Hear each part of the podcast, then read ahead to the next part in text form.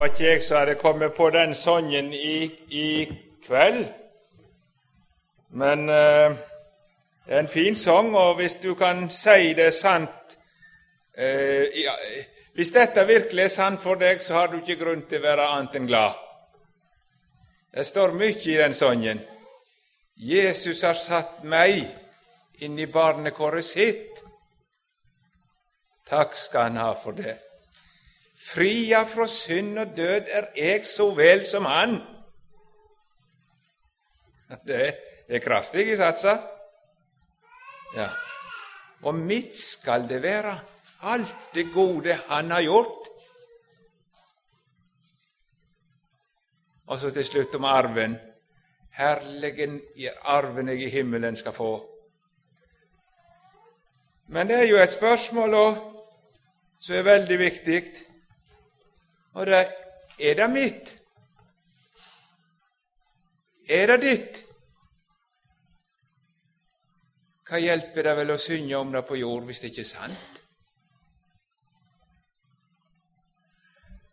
Og det kom for meg, Nå har jeg hørt så mye til mange at det er fulle og vel, så da skulle jeg si det er ikke godt å samle tanker kanskje for noe.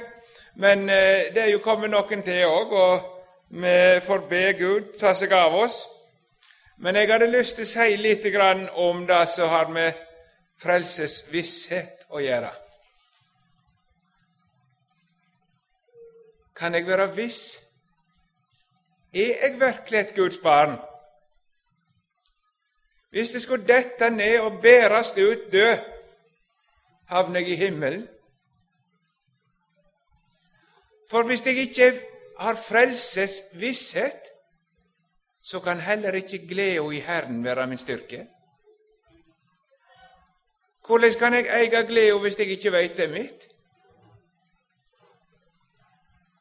Vi skal prøve å, å, Nå er det en tekst som jeg har vært voldsomt glad i for min egen del. og jeg, Det er ikke første gangen jeg leser den i denne sammenhengen heller.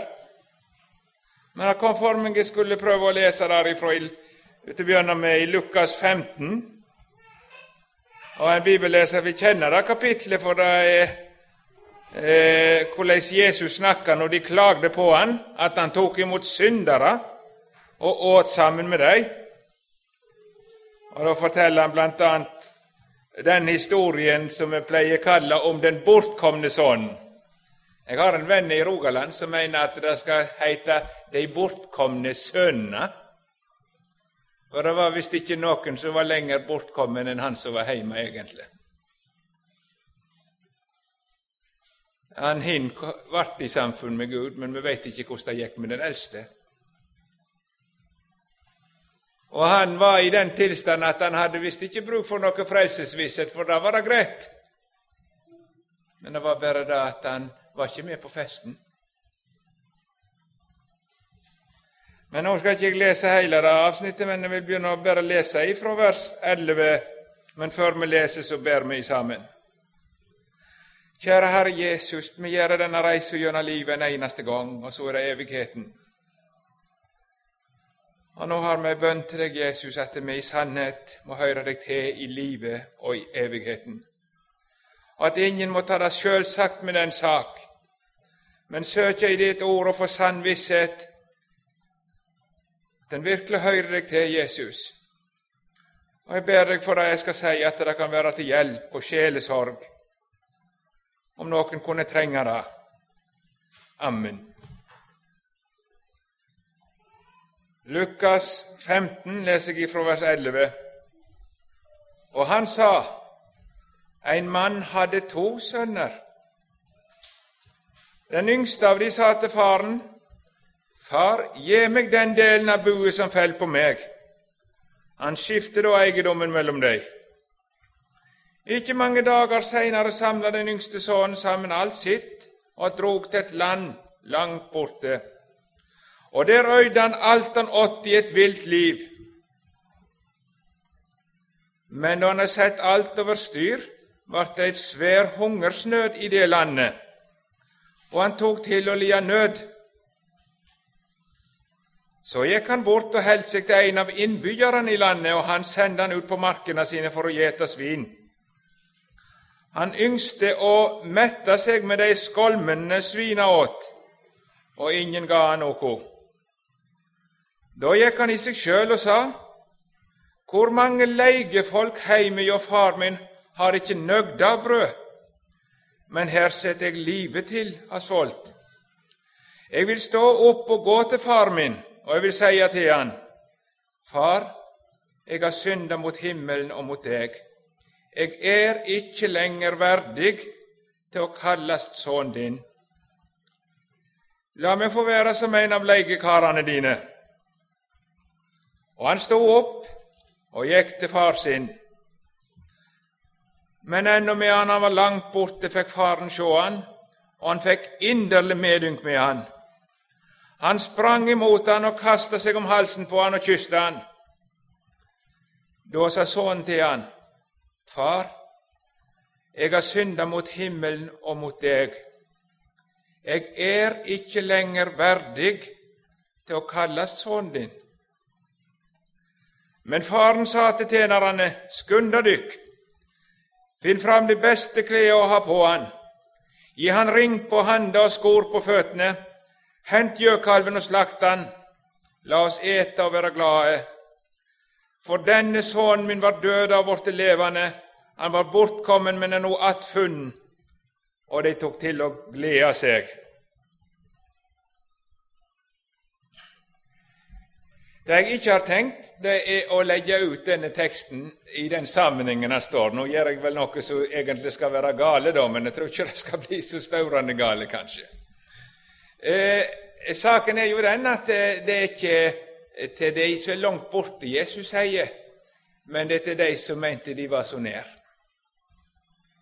Det er til fariseerne som knurra. Og så vil han vise De kunne ikke begripe at han kunne ha med sånn folk så de kom syndere og tolmen og elendig, alt sammen, flokka seg om Jesus. Og han så ut til å fryde seg når det skjedde. Og de kunne ikke forstå det, for jeg visste han kalte folk det var. Han kunne ikke begripe at han tok imot sånt. Det var jo ikke skikkelig. Og så viser Jesus hva han kjente i sitt hjerte når disse kom til han. Da fryder han seg. Og så er det en som har sagt at det var godt han, den bortkomne møtte faren før han møtte broren. Ellers hadde han ikke hatt mye tro på det. Han hadde ikke våget seg hjem. Ja, ja, la nå det være. Men det som jeg hadde tenkt å si litt om, var altså det som har med frelsesvisshet å gjøre. Og Det har vært noe som har vært så levende for meg her. Men da har jeg først lyst til å spørre er det noe som du spør om til på møtet.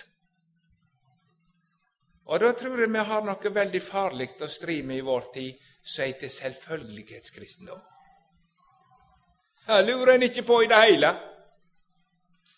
I grunnen er gudsforholdet for mange bekjennende kristne ikke et problem engang.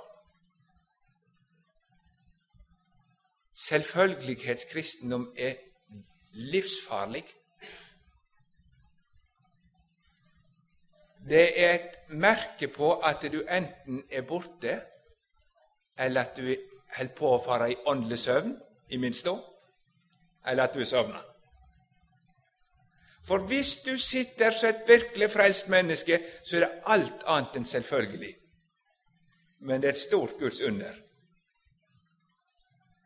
Og det var rart om det ikke nesten skulle bli et større under for hvert år som gikk. Tenk at det får være frelst.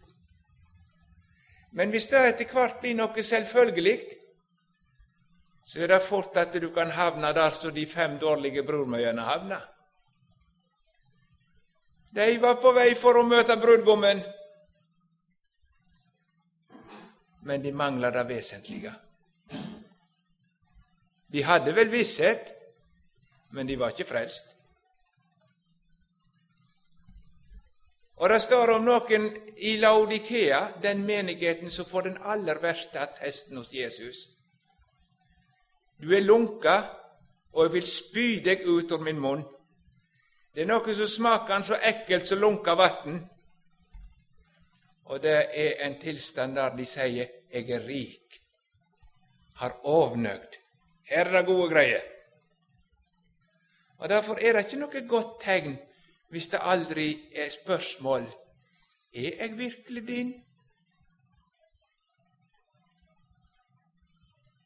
Og Nå kunne jeg tenkt meg å spørre spørsmålet. Er det lenge siden du har spurt om det? Er det lenge siden du har spurt din frelser? Er jeg din?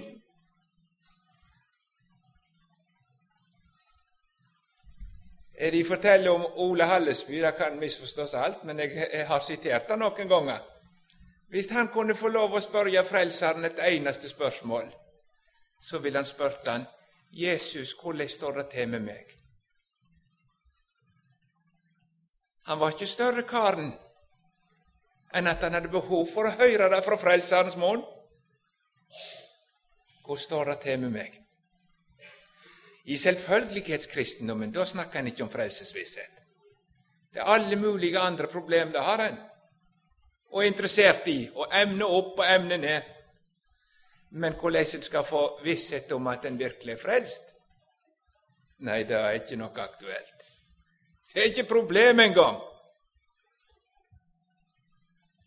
Han sto en i tempelet og takka Gud for at han ikke var så andre folk. Jeg skal si han hadde frelsesvisshet, men han var ikke frelst. Han var ikke rettferdiggjort når han gikk hjem til sitt hus. Så det er vanskelig, for det er så mange som ikke, ikke syns det er aktuelt engang. Og da kan det være her. Nå er det godt hvis du får ha sann frelsesvisse og å fremme Gud, men kanskje det er noen det ikke er aktuelt for engang. Jeg skulle ønske det kunne bli en vekkelsens møte inn i ditt liv, der du får ramme alvorssporet jeg er ikke blitt ei dårlig brudmøy som mangler olje på lampen.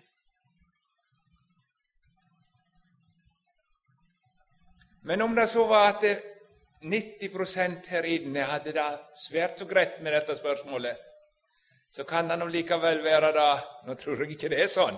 Jeg tror det er mange som uh, lever i dette bivrende. De tror de er frelst, men de må høre det igjen, for det er så stort. Men hvis det var bare 10% og ikke det engang, bare noen få stykker Det var brennbart spørsmål. Jesus, er jeg din? Så var det mer enn nok grunn for å ta det opp.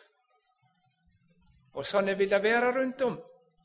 Ærlige sjeler som står for den levende Gud, og så kjenner de på dette. Er jeg virkelig et Guds barn? Er jeg din? Jesus. Og de skulle ønske de kunne få klarhet og visshet. For Det kan være unge mennesker som har gått med far og mor på møte, og det har ikke vært noe sånt stort problem, men så begynner det å knipe til. Er jeg bare med far og mor? Eller eier det? Er jeg virkelig et Guds barn? Eller er det bare at jeg er med i formene og liksom har hørt dette og følger med far og mor? Og da vil jeg si til deg far og mor kan ikke tro for deg. Ja, de gjorde på en måte det når de bar deg til Jesus, men det må bli ditt. Og så kan det være spørsmål hvordan er det egentlig? Og så kan det hende du stund og spør og, og lurer. Og kanskje hvis du har hørt noe alvorlig Jeg vet far min han var en stund han var ute i, i, i gråsona, ja, han var vel vekke fra Gud. Ikke da at han var sånn skikkelig ute i syndelivet, som de sier. Noen forresten som tenker sånn, at det hadde visst vært lettere å gått helt ut i verden. Noen har forkynt på den måten òg. At det nesten så det var best at du for ut i verden, så du kunne få en skikkelig opplevelse av hva frelse var. Det vil jeg råde dere sterkt ifra. Av de som går ut i verden, så er det de fleste, de fleste som ikke kommer igjen. Nei da, du trenger ikke gå ut i verden for å bli et sant gudsbarn. Det har jeg virkelig lyst til å si. Men far min han hadde det sånn han at eh, når han kom hjem, at han hadde vært med disse verslige kameratene på forskjellig sånn, Ikke sånn kjempegalt sånn sett, men, men han kjente han var ikke på rett vei. Før han la seg om kvelden, så gikk han bort i glasset, og så sto han og kikka ut. Og så ba han Jesus, du må ikke komme i natt, for jeg er ikke klar. Og så så han imot øst om han så noe merke, for de hadde hørt om at det skulle bli tegn i øst. Det kommer ikke i natt.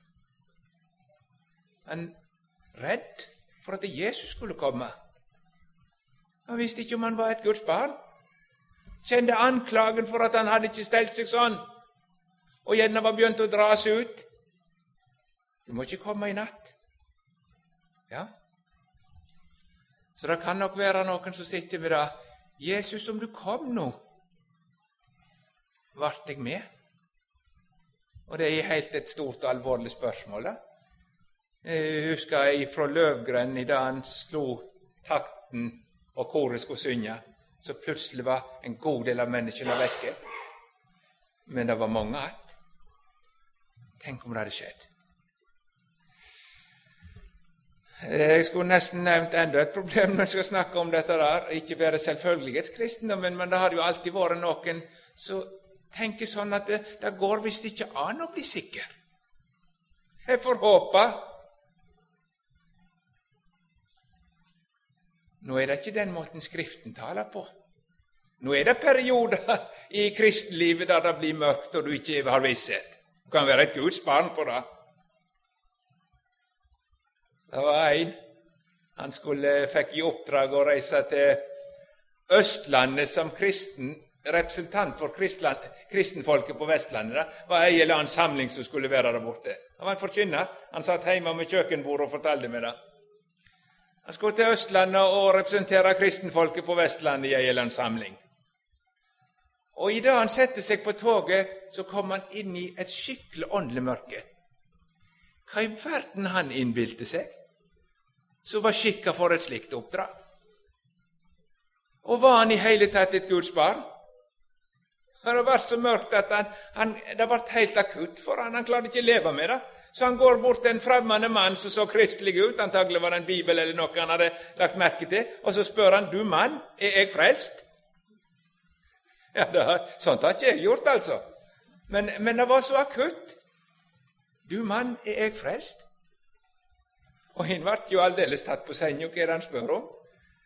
Og så kom det eh, eh, eh Har du billett? Ja, Da, da ble han enda mer oppkava, for nå trodde de ikke bare han var usikker om han var frelst, men om han var tjuv som stal seg med på toget. Så han begynte å fikle og skulle finne billetten og virkelig vise at han var iallfall en ærlig mann. Og så tar han billetten opp og heller bort i ansiktet på den der, og så kommer det Den der gjelder ikke i tunnelene. Hæ? Gjelder ikke tunnelene. Og så får de akkurat da, fortalte han, inn i den lengste den gravhalstunnelen, eller hva det han heter der oppe inn i gravhalstunnelen, med Det gjelder ikke tunnelene. Ja, men det sto jo like til Oslo østbane. Oslo. Og mens han sitter der, så ser han plutselig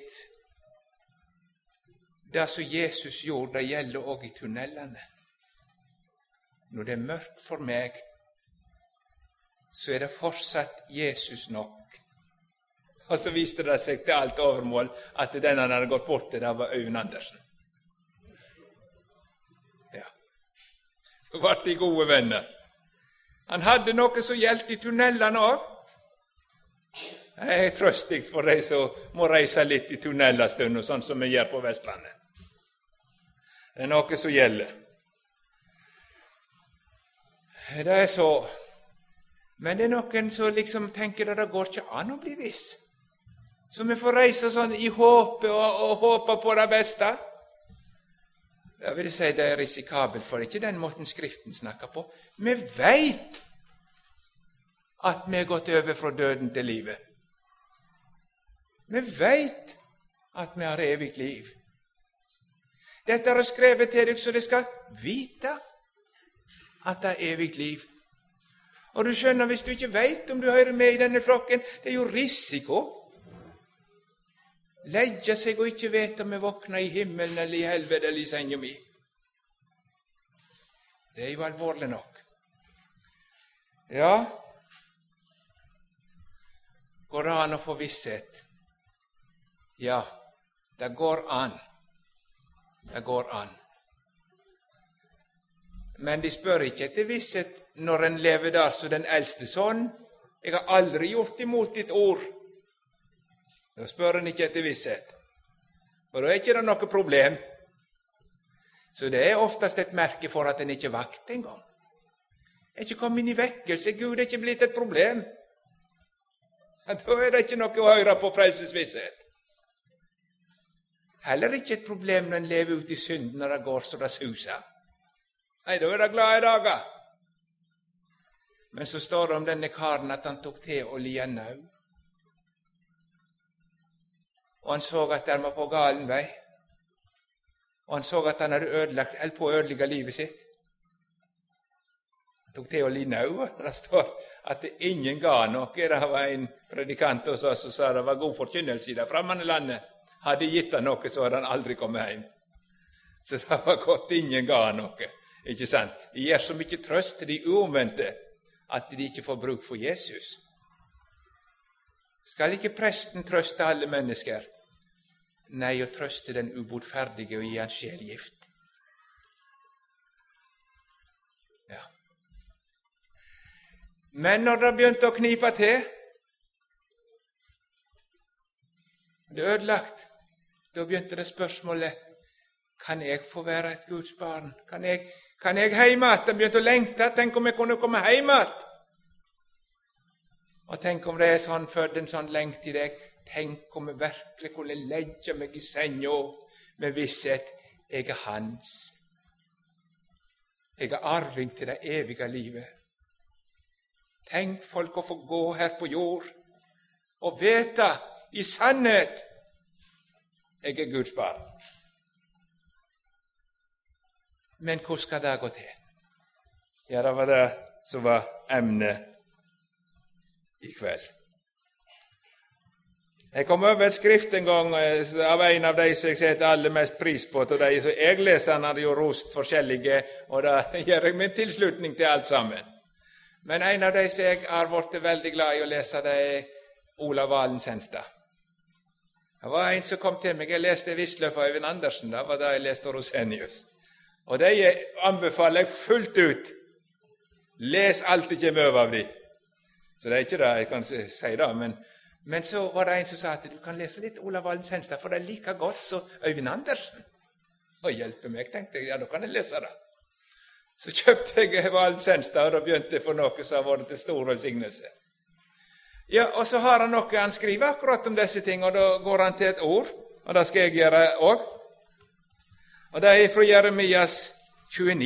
Det er så godt å helle seg til det Gud har sagt. Når himmel og jord dette, så er det én ting som står, og det er det som Gud har sagt. Så skal jeg få visshet om hvordan det står til, så må det være på det Gud sier. Mennesket kan bedra meg, jeg kan lure meg sjøl, men Gud lurer meg ikke. Og da står det der, det er jo kjent av vers 11 der, der står det jo 'for jeg veit hva tanker jeg tenker om dykk', sier Herren. Det er fredstanker, og ikke tanker til ulykke. Jeg vil gi dykk framtid og vod. Det er jo fint, det var ikke det jeg tenkte å lese, men jeg har lyst til å si Jesus er ikke i tvil hva han vil med dere. Jeg veit hva tanker jeg har med dere. Jeg vil gi dere framtid og vond. Fredstanker. Så Gud er ikke i tvil. Så når vi spør, samles til møte, så spør vi hva vil vi på møtet. Men hvis vi spør hva Gud vil, så er saken sikker. Han har fredstanker og vil gi framtid og vond. Men så står det noe videre. Og det skal kalle på meg og gå av stad og be til meg, og jeg vil høre på dykk. Det skal søke meg, og det skal finne meg når det søker meg av et heilt hjerte. Jeg vil la dykk finne meg, sier Herren. Det skal søke meg, og det skal finne meg når det søker meg av et heilt hjerte. Da sier den Gud som aldri kan lyve. Han lover da at du skal finne han når du søker han av hele ditt hjerte. Ja, prøv det. Han lyver ikke. Han lover deg at du skal finne han når du søker han av hele ditt hjerte. Han vil la deg finne seg. Ja, prøv det. Men så er spørsmålet men hva vil det si? Søke Gud av hele sitt hjerte. Det vært igjen vanskelig. For hva vil det si å søke Gud med hele hjertet? Du setter alt inn på Gud, ikke sant? Det er én ting som om å gjøre, det er å finne Gud. Så når du ber, så er det Gud du er opptatt med. Når du leser, så er det å få tak i hva Gud sier. ikke sant? Og så er det mange som blir så oppgitt ganske fort. Du vil så gjerne søke Gud med hele ditt hjerte, men du er ikke sånn. En dag syns du det kan være godt å be, men dagen etter er du så uendelig fjern. Du prøver å samle deg i bønn, jeg reiser jo som predikant. Jeg vet hva dette er jeg snakker om nå. Og til predikantlivet Som andre kristne har en predikant for to ører og bare én munn. Det er mye viktigere å ta imot enn å preike. Og så bøyer en sine kne, og så skal en be til Gud. For folket og for seg sjøl og for budskapet. Og så makter en ikke be. Jeg er så fjern. Så prøver en å samle seg, og så er tankene i vest og bønnene i øst. Og så har jeg reist meg så mange ganger fra bønneplassen. Kan ikke be. Søke Gud av hele hjertet. Da er det ikke så nådig. Og så skal en prøve å samles om Guds ord og lese Guds ord. Og så kjenner en igjen at en har ikke det plukklyst. Ja, men er det rart du ikke får noe? Du søker jo ikke Gud av hele ditt hjerte. Ikke sant? Ja, også når du søker Gud av hele ditt hjerte, så er det ikke synder du skal søke. Og så kjenner du da at det, du drar så mye ureint. Og det var ikke det at synda virka feil, men det trekker mer enn Gud. Er det å søke Gud med hele sitt hjerte? Og så står du der og kjenner at hjertet mitt er så delt. Jeg ville jo finne Gud, men hva ville jeg vel egentlig når synda frister? Jeg vil synde.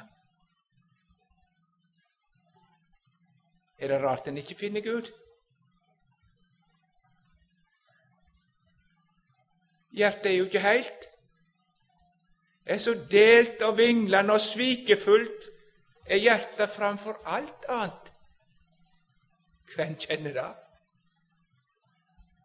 Hvordan skal jeg finne Gud med et slikt hjerte?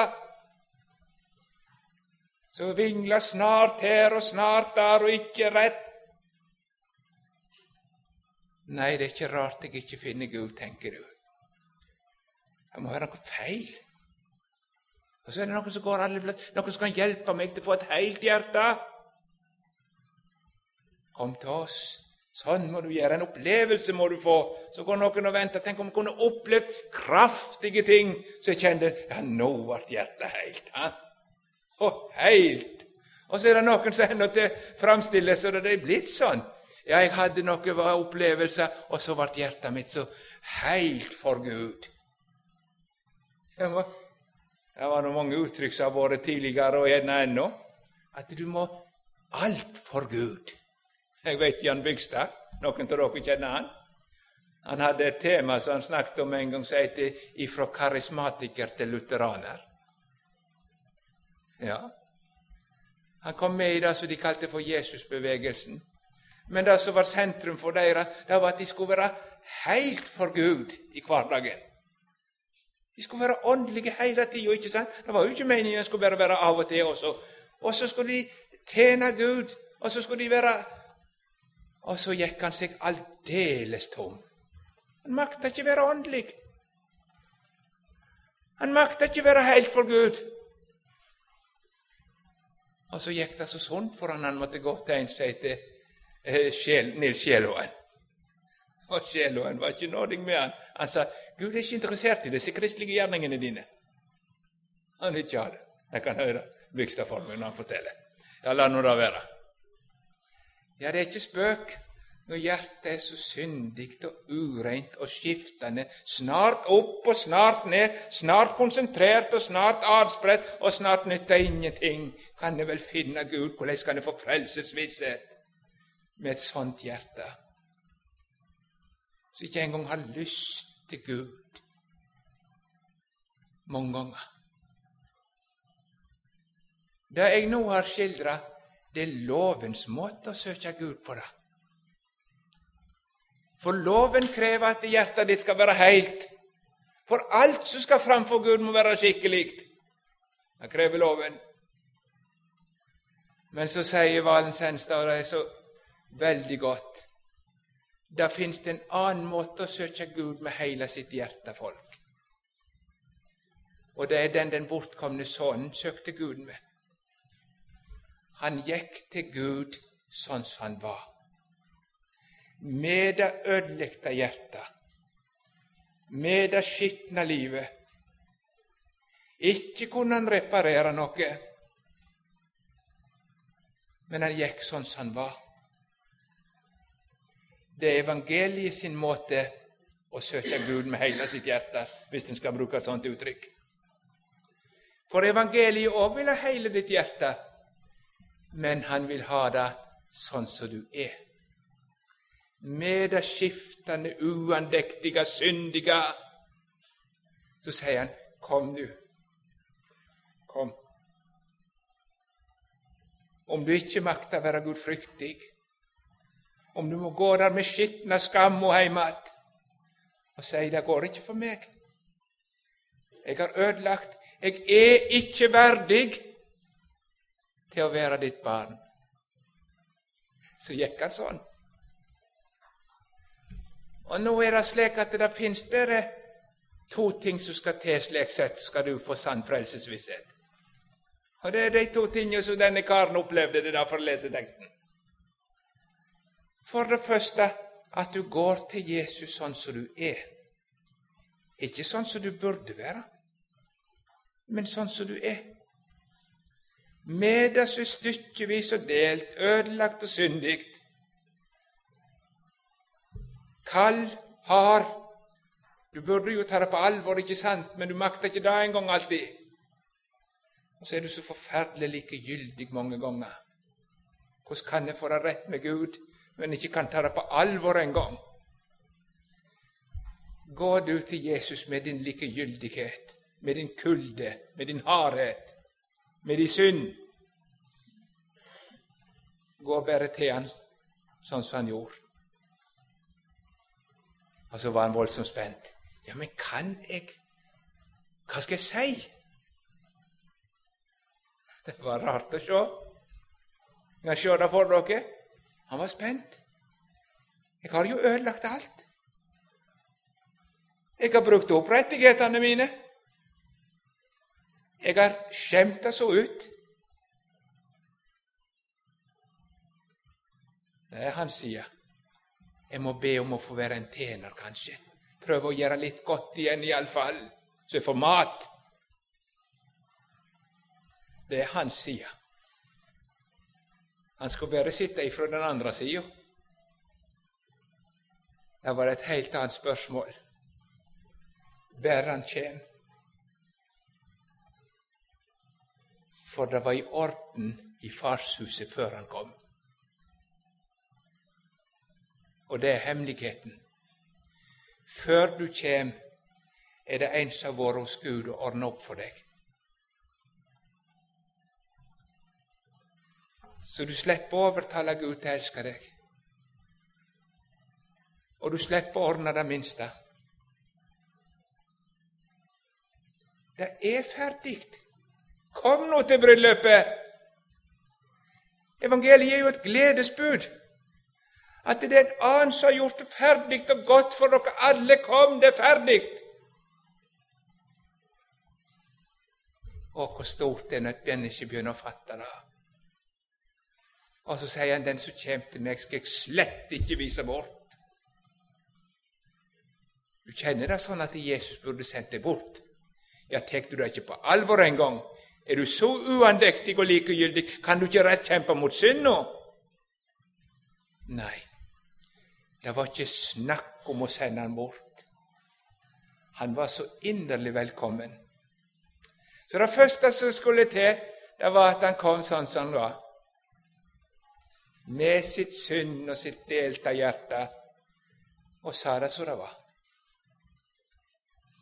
Men for da om han begynte å gå hjem igjen og ville komme som han var, så var han ikke viss. Så det er i grunnen ikke nok, det som jeg nå har sagt, men det er helt nødvendig. Hvis du heller det borte, eller prøver å bli sånn som du skulle være, så kommer du aldri til å få sann frelsesvisshet. Det er først når du kommer til Jesus sånn som du er. Hvordan har du det i kveld? Sånn som du har det, vil Jesus ha deg. Men hva var det mer som skulle til, da? Og Da skal de tenke videre. Når ble han viss? Var det noen satt i grisebingen og bestemte seg for å gå hjem? Nei. Da var han veldig i stuss. Hva vil han si? En tjener, kanskje. Vil Gud ta imot meg? Jeg vil jo gjerne komme til Jesus. Hvordan skal det gå? Og sånn er det mange, tror jeg, i den stillingen, at de på en måte snakker med Jesus om sine synder. Men de blir ikke visse. De forteller Jesus om hvor det har gått galt. Og på en måte så kommer de jo som de er da. Men de er like usikre. For det er ikke det du sier til Jesus som gir visshet, men det er det han sier til deg. Og når fikk han visshet? Ja, det skal jeg fortelle.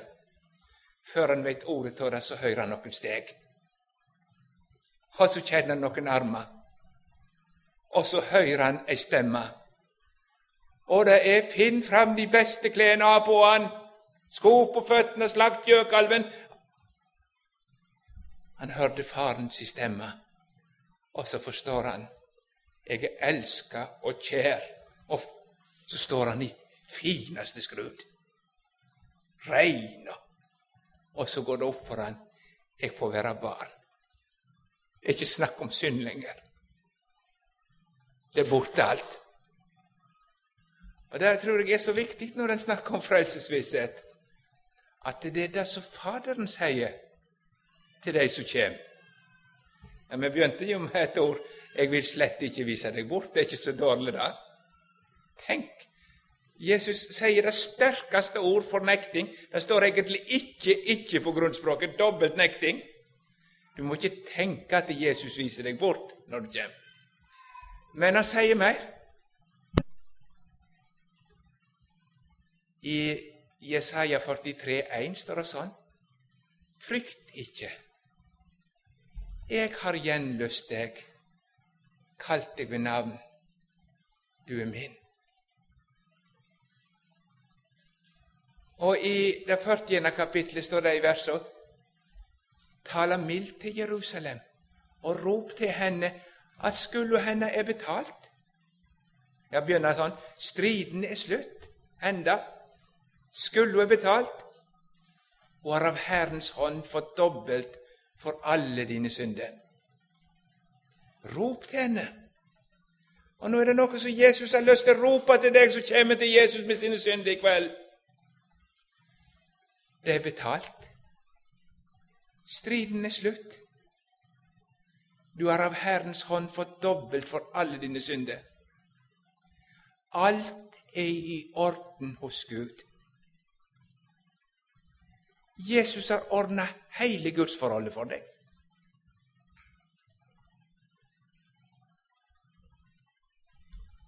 Og Derfor henger alt ferdig til å vente på deg. Barnekåra, rettferdigheta. Alt du trenger for å gå lukkelig inn i Guds himmel, det er ordna. Og nå vil Gud si det er ditt.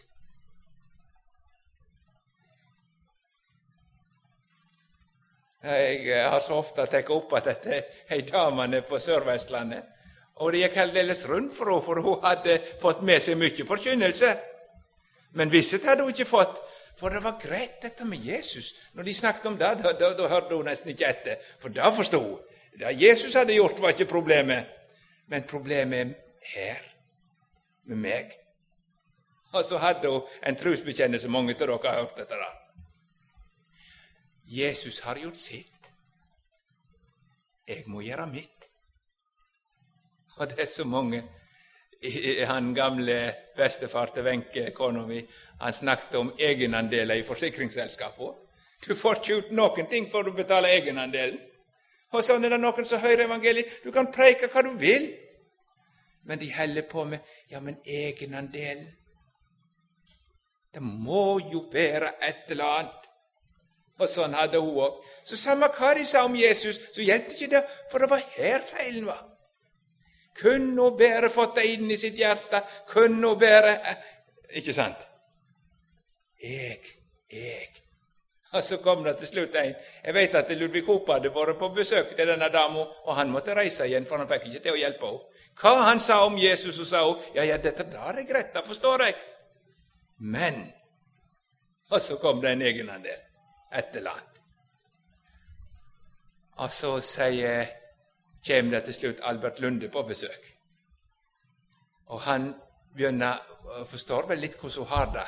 Så med en gang hun får høre den predikant, så begynner hun Ja, sa hun, Jesus har gjort sitt. Og så kvesser han i Nei, du lyver. Da ble hun forskrekka. Lyver jeg? Har ikke Jesus gjort sitt? Nei, sier Albert Lunde, han gjorde ditt. Og der satt hun. Har du, Jesus, gjort mitt? Jeg har løst deg ut. Kalt deg ved navn. Du er min. Det er ordna alt sammen. Det er fullført. Misgjerningene er båret bort. Gudsforholdet ordna, og nå lengter han å forkynne til deg du er fri. Jesus har ordna det for deg. Og så skal du få høre det ifra Faderen sin munn når du kjem. Det er ordna. Han har utsletta skyldbrevet. Han har oppfylt alt. Nå kan du hvile det er fullført. Det er dette ordet som gjør folk visshet. Jesus sier, og det er visst og sant, at han har ordna for meg alle ting. Det gjenstår ikke noe. Eh, det er en annen som har eh, det er brukt bilde fra når Jesus døde på korset. Så hadde han jo en fin kjortel som de men de tok av han. De tok jo alle klærne hans. Han skulle til skam og spott henges opp naken. Men når de kom til det, og det var hærmennene som vakta på hans lodd og få klærne til de som var tenkt opp av fire karer og de sitter der og deler de i fire hauger, sandalene og beltet og det som var på hodet, og, og, og, og, sånn. Men så kommer de til det siste plagget, denne kjortelen så var heilvoven alt oventil, heter det gamle nynorsk. Jeg husker det uttrykket. Eh, så den var ikke råd å rive sånt. Så de kunne ikke dele den i fire, den, så de ble enige om at de skulle kaste lodd. Og så heiv de lodd. Og så var det jo en romer som etter den dagen kunne gå rundt i Jesus sine klær. Og du stopp, vet du, hvis du så han på gata. Det er ikke med Jesus. Nei, det er ikke Jesus, det er en romer som kledde Jesus sine klær. Men sånn er det at Jesus hadde nemlig en god kledning, for han var fullkommen for Gud. Ingen synd.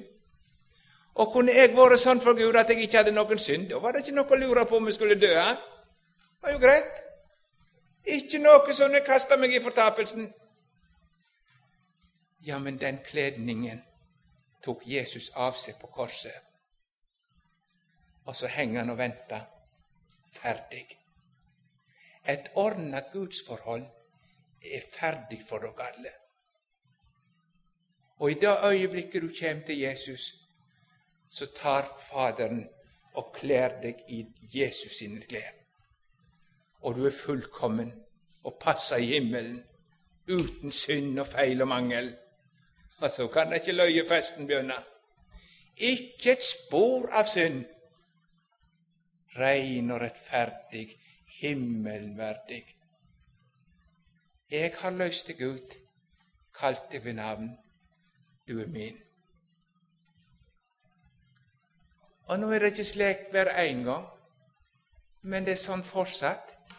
Jeg er fortsatt et syndig menneske.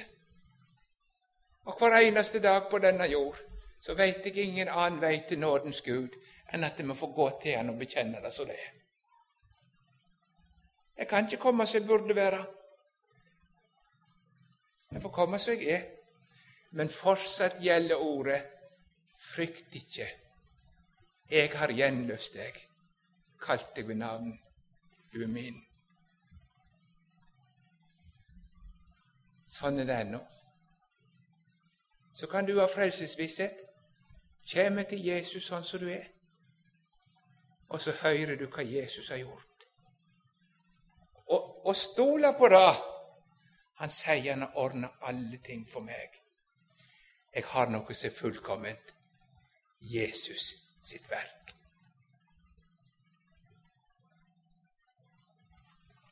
Dette hadde jeg lyst til å minne dere om i kveld. Så er det sånn ennå. Det er ordna. Og det henger ferdig alt sammen. Og Derfor var det sånn i det øyeblikket denne røveren kom til tro på Jesus, så kunne han gå inn til paradis. Helt rein i Jesus i frelse. Kjære Herre Jesus. Jeg har lyst til å takke deg for at det er så forunderlig å høre deg til. Takk, Jesus, for du har gjort verket du har vært i farshuset før vi kom, og ordna alle ting. Takk, Jesus, for det fins ikke noen ting som ikke du har ordna opp med. Fins det ingen synd som ikke er gjort opp? Ingen krav som ikke du har svart på? Og så takker jeg Jesus for det mitt. Det mitt du gjorde så ber jeg Jesus, om at du må legge dette ordet inn i den enkelte som sitter her, og at de må få bruk for det i livet. Herre Jesus. Amen.